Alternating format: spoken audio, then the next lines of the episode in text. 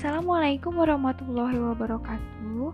Pada kali ini kita akan belajar kimia dengan materi pokoknya faktor-faktor yang mempengaruhi laju reaksi. Submaterinya yaitu faktor konsentrasi terhadap laju reaksi.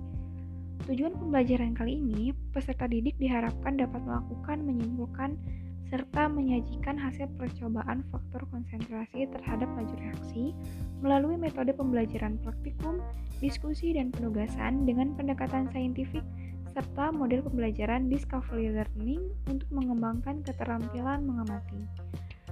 Sebelum membahas lebih lanjut, terlebih dahulu peserta didik mengetahui materi prasyarat dari pembelajaran ini yaitu materi persyaratnya yang pertama ada termokimia, membahas mengenai reaksi endoterm dan reaksi eksoterm.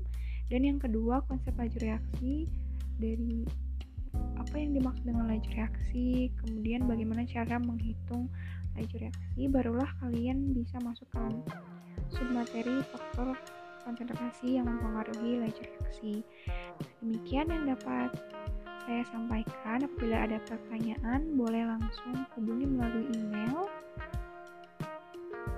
Sekian, wassalamualaikum warahmatullahi wabarakatuh.